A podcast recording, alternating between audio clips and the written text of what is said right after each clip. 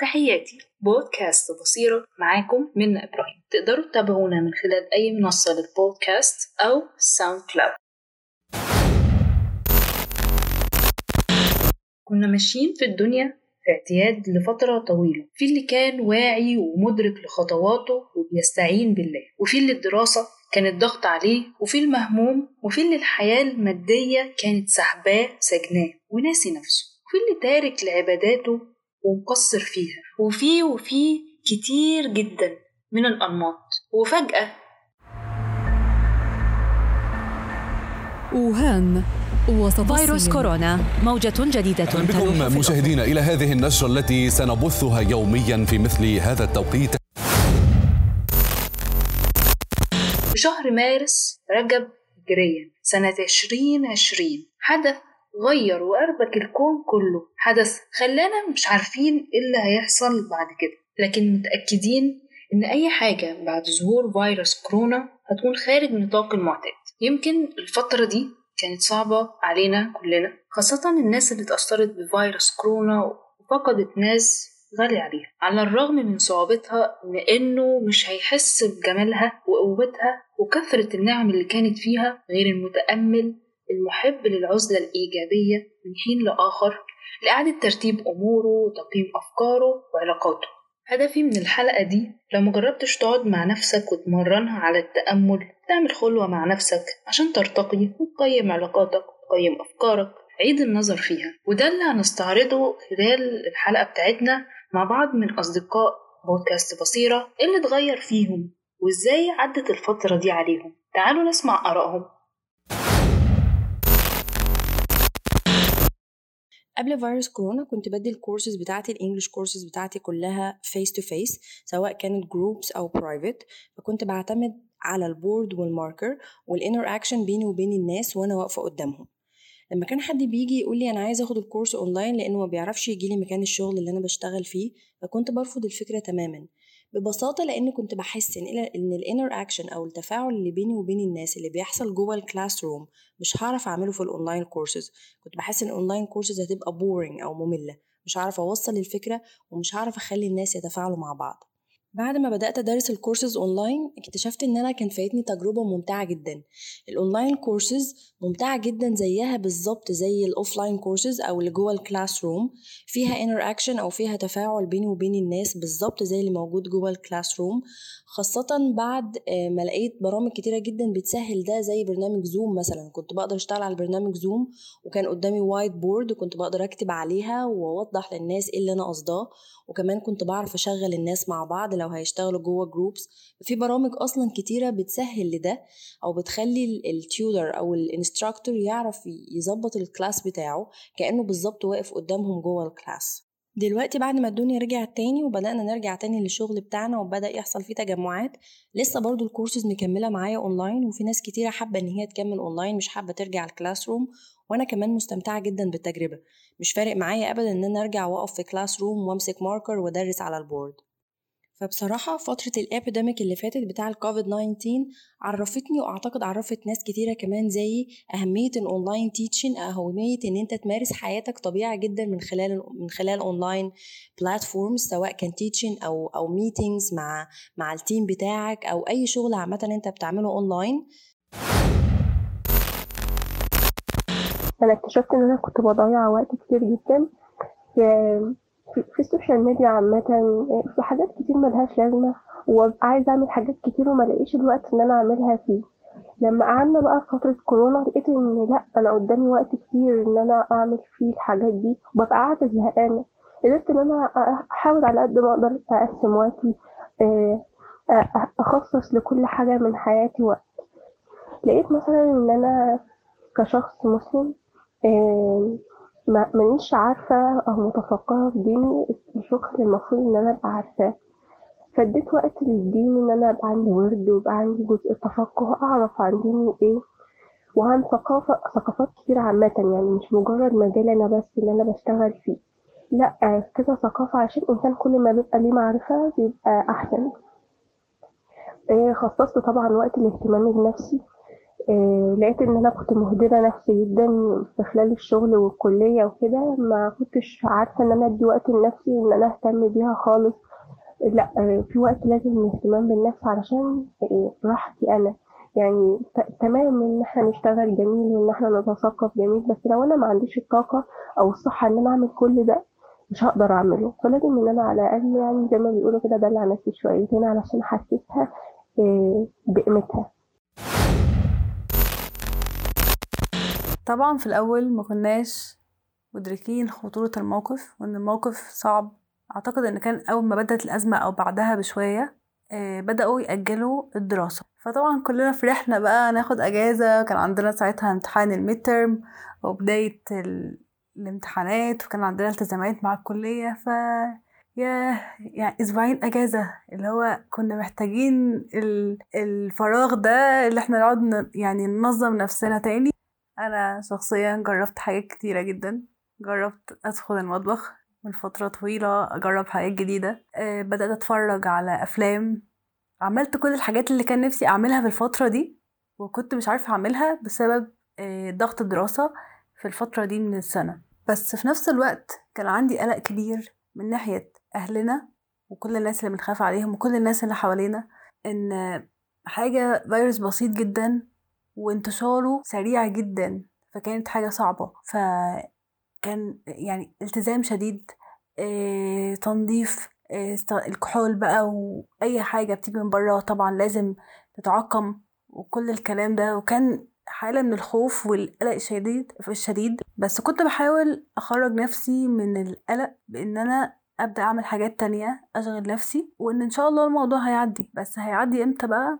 الله أعلم. كنت مبسوطة إن أنا اول مرة في حياتي من بعد ما خلصت امتحانات من بعد تالت ثانوي ما امتحنش في رمضان. بغض النظر بغض النظر إن أنا كنت بعمل أبحاث وبعمل حاجات تانية بس إن الفترة دي من السنة بكون قاعدة بكون بمتحن وبتكون عندي ضغط امتحانات وحتى في امتحانات بعد العيد كمان.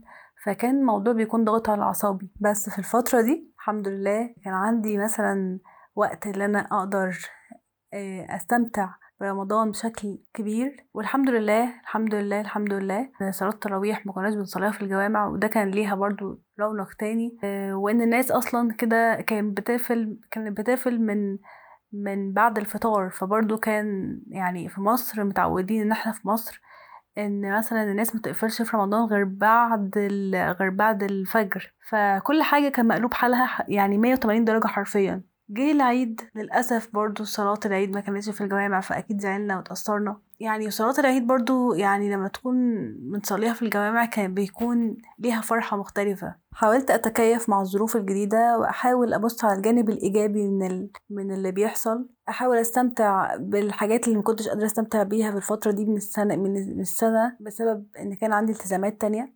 حسيت بشعور إن أنا مثلا لما هتخرج في الفترة دي هبقى إحساسي إيه لو مثلا لما كنتش لسه بدأت أشتغل أو كده. فمن هنا بدأت أقول لأ أنا أنا كده مش هكون مش هكون مبسوطة إن أنا يكون عندي فراغ كبير كده. فبدأت أفكر إن أنا أبدأ آخد كورسات حتى لو كانت أونلاين أدور على حاجات تانية أشوف شغفي موجود فين في حاجات تانية. بدأت يعني أفكر فكرة مشروع تعلمني إزاي أمارس ال marketing وأمارس دراستي وحتى بشكل عملي بما اننا يعني ما كانش عندي الفرصة السنة دي إن إحنا ننزل تدريبات عملية. وعندي ثقة وإيمان شديد إن ربنا إن شاء الله رحيم بينا وهيعدي هيعدي الأزمة دي وهتعدي على خير إن شاء الله. وربنا يا رب يشفي أي حد مصاب ويربط على قلب أي حد فقد عزيز عليه بسبب الأزمة دي. كان اختبار صعب على ناس كتير. وبالنسبة لي كانت حاجة مهمة جدا تعرفني إن العادي اللي إحنا كنا عايشينه ده دي نعمة كبيرة قوي ولازم نعرف قيمتها ونقدر كل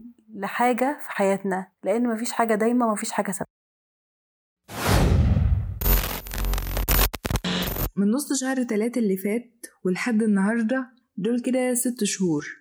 ويعني لسه مش هرجع لحياتي الطبيعية أو بمعنى أصح شبه حياتي الطبيعية غير في نص شهر عشرة. خلال السبع شهور دول أنا متأكدة إن حياتي بشكل عام وتفكيري وشخصيتي اتأثروا وتغيروا بشكل كبير. ما كانش هيحصل لو كانت حياتي في الفترة دي مرت كده عادي بالروتين اللي أنا ماشية بيه عادي في حياتي إيه، وبقضي يومي بيه كل يوم قبل ظهور فيروس كورونا.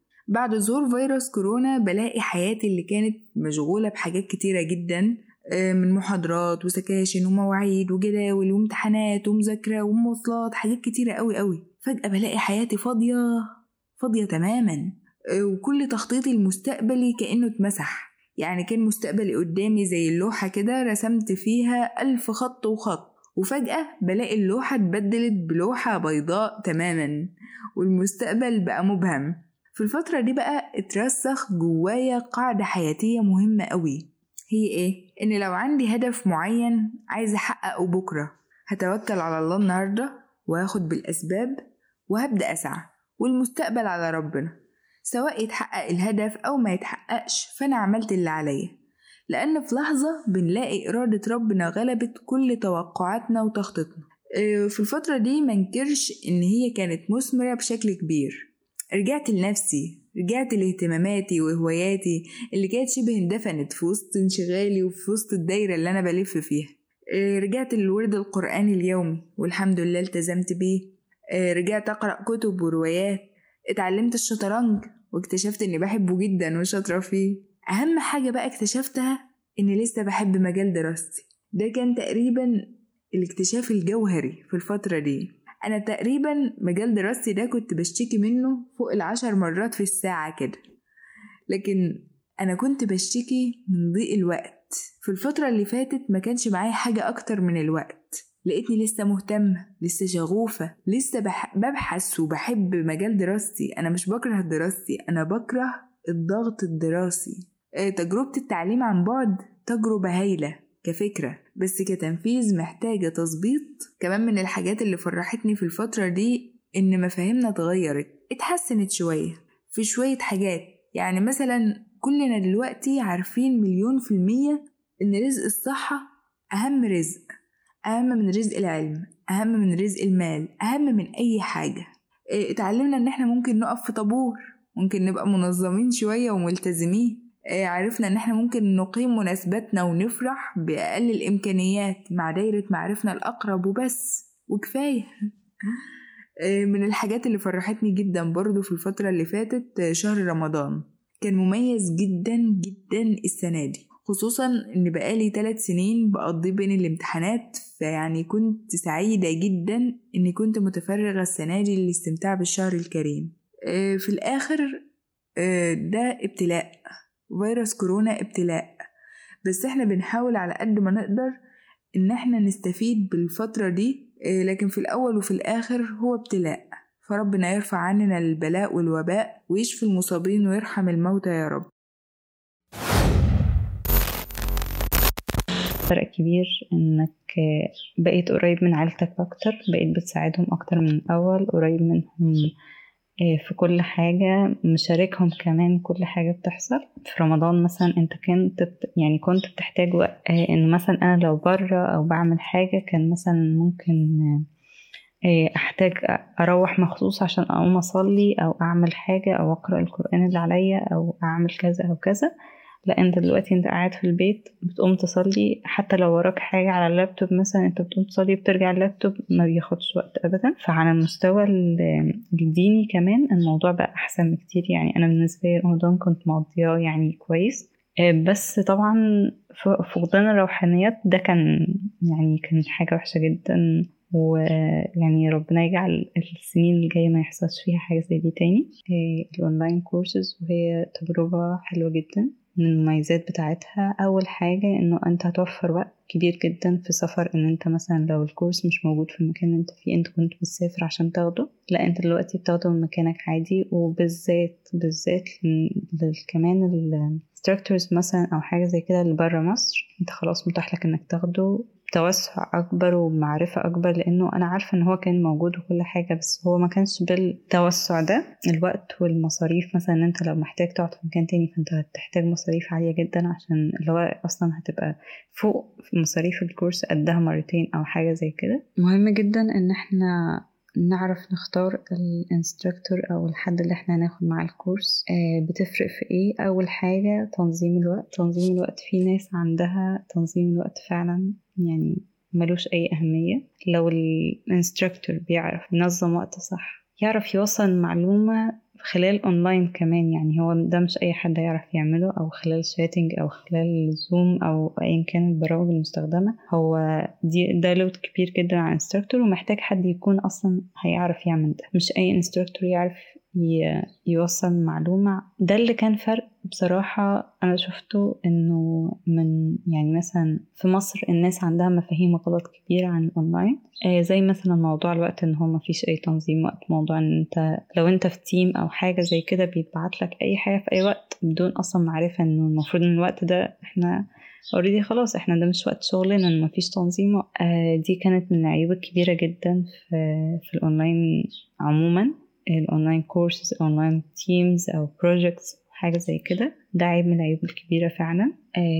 دول المميزات بتاعت ال online courses بالنسبة لي أنا كانت كده.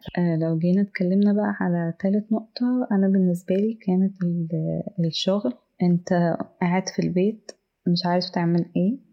أنا مثلا شخصية مش بتحب قعدة البيت كتير أو مش بتحب تقعد فاضية كتير.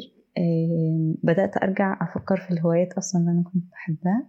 أنا كنت بحب فعلا مثلا حاجة زي الكروشيه من زمان جدا جدا وكنت بطلت أعمله لأن مفيش وقت مثلا أو ما فيش وقت إن أنا أفكر في حاجة زي كده أو الكلية وكل ده وإن أنا كمان كنت بغترب قاعدة في مكان مش مكاني فخلاص مفيش وقت أفكر أصلا. لما قعدنا في البيت رجعت تاني لهوايتي. عملت مشروع أونلاين صغير. المشروع الحمد لله مشي كويس وكان عليه إقبال كويس الحمد لله. دي كمان من الحاجات اللي فرقت معايا نفسيا ومعنويا جدا إنه حتى قعدة البيت أنت حتى لو قاعد ساعتين في البيت خلاص هو الساعتين دول أنا عارفة أقضيهم إزاي أو عارفة أنا بعمل إيه. وكمان هو كدخل مثلا أو حاجة مساعدة هو مش دخل بمعنى دخل بس يعني كحاجة مساعدة إن أنت قاعد في البيت وبتعمل حاجة أنت حاببها مش قاعد فاضي أو زهقان أو حاجة زي كده. خسارة كبيرة لو حد شايف إن الفترة دي سيئة أو ما عادش مع نفسه يسألها عدة أسئلة ويصحح مساره ويقيم علاقاته مين اللي أبعد عنه؟ مين اللي قصرت في حقه؟ مين اللي أذيته؟ أو يشوف إيه أخبار العبادات؟ هو أنا مقصر؟ طب أنا قلبي حاضر فيها؟ طب أنا عايزة أزود عبادة إيه؟ الرسول صلى الله عليه وسلم كان بيتأمل ويتدبر قبل نزول الوحي شهر كامل في السنة. طب يا رسول الله كنت بتتأمل في إيه؟ سبحان الله. طب إيه أخبار المهارات؟ ولازم أسأل نفسي سؤال مهم جدا. إيه اللي عايزه أتعلمه؟ وإيه اللي أنا محتاج في كام حاجة لاحظتها خلال الفترة اللي فاتت وخطأ كلنا بنقع؟ اولا لا نسب الظهر. ابدا ابدا ما نعملش كده. لأن الرسول صلى الله عليه وسلم قال لا تسبوا الظهر فإن الله هو الظهر الأخذ بالأسباب الالتزام بالإجراءات الوقائية نسعى إن إحنا نتعلم إزاي نغسل إيدينا نلبس كمامة ننصح غيرنا إن هو يعمل كده وما نستهزأش أبدا بالآخرين. ناس كتير شغلها وقف وتعطل ومرت بأزمات مادية كتير فاستغل النعمة دي لأن إحنا فقراء إلى الله. طلع صدقات أكفل يتيم ابذل مجهود في خدمة الآخرين أيا كان شكلها سواء offline online تذكر إن قليل دائم خير من كثير منقطع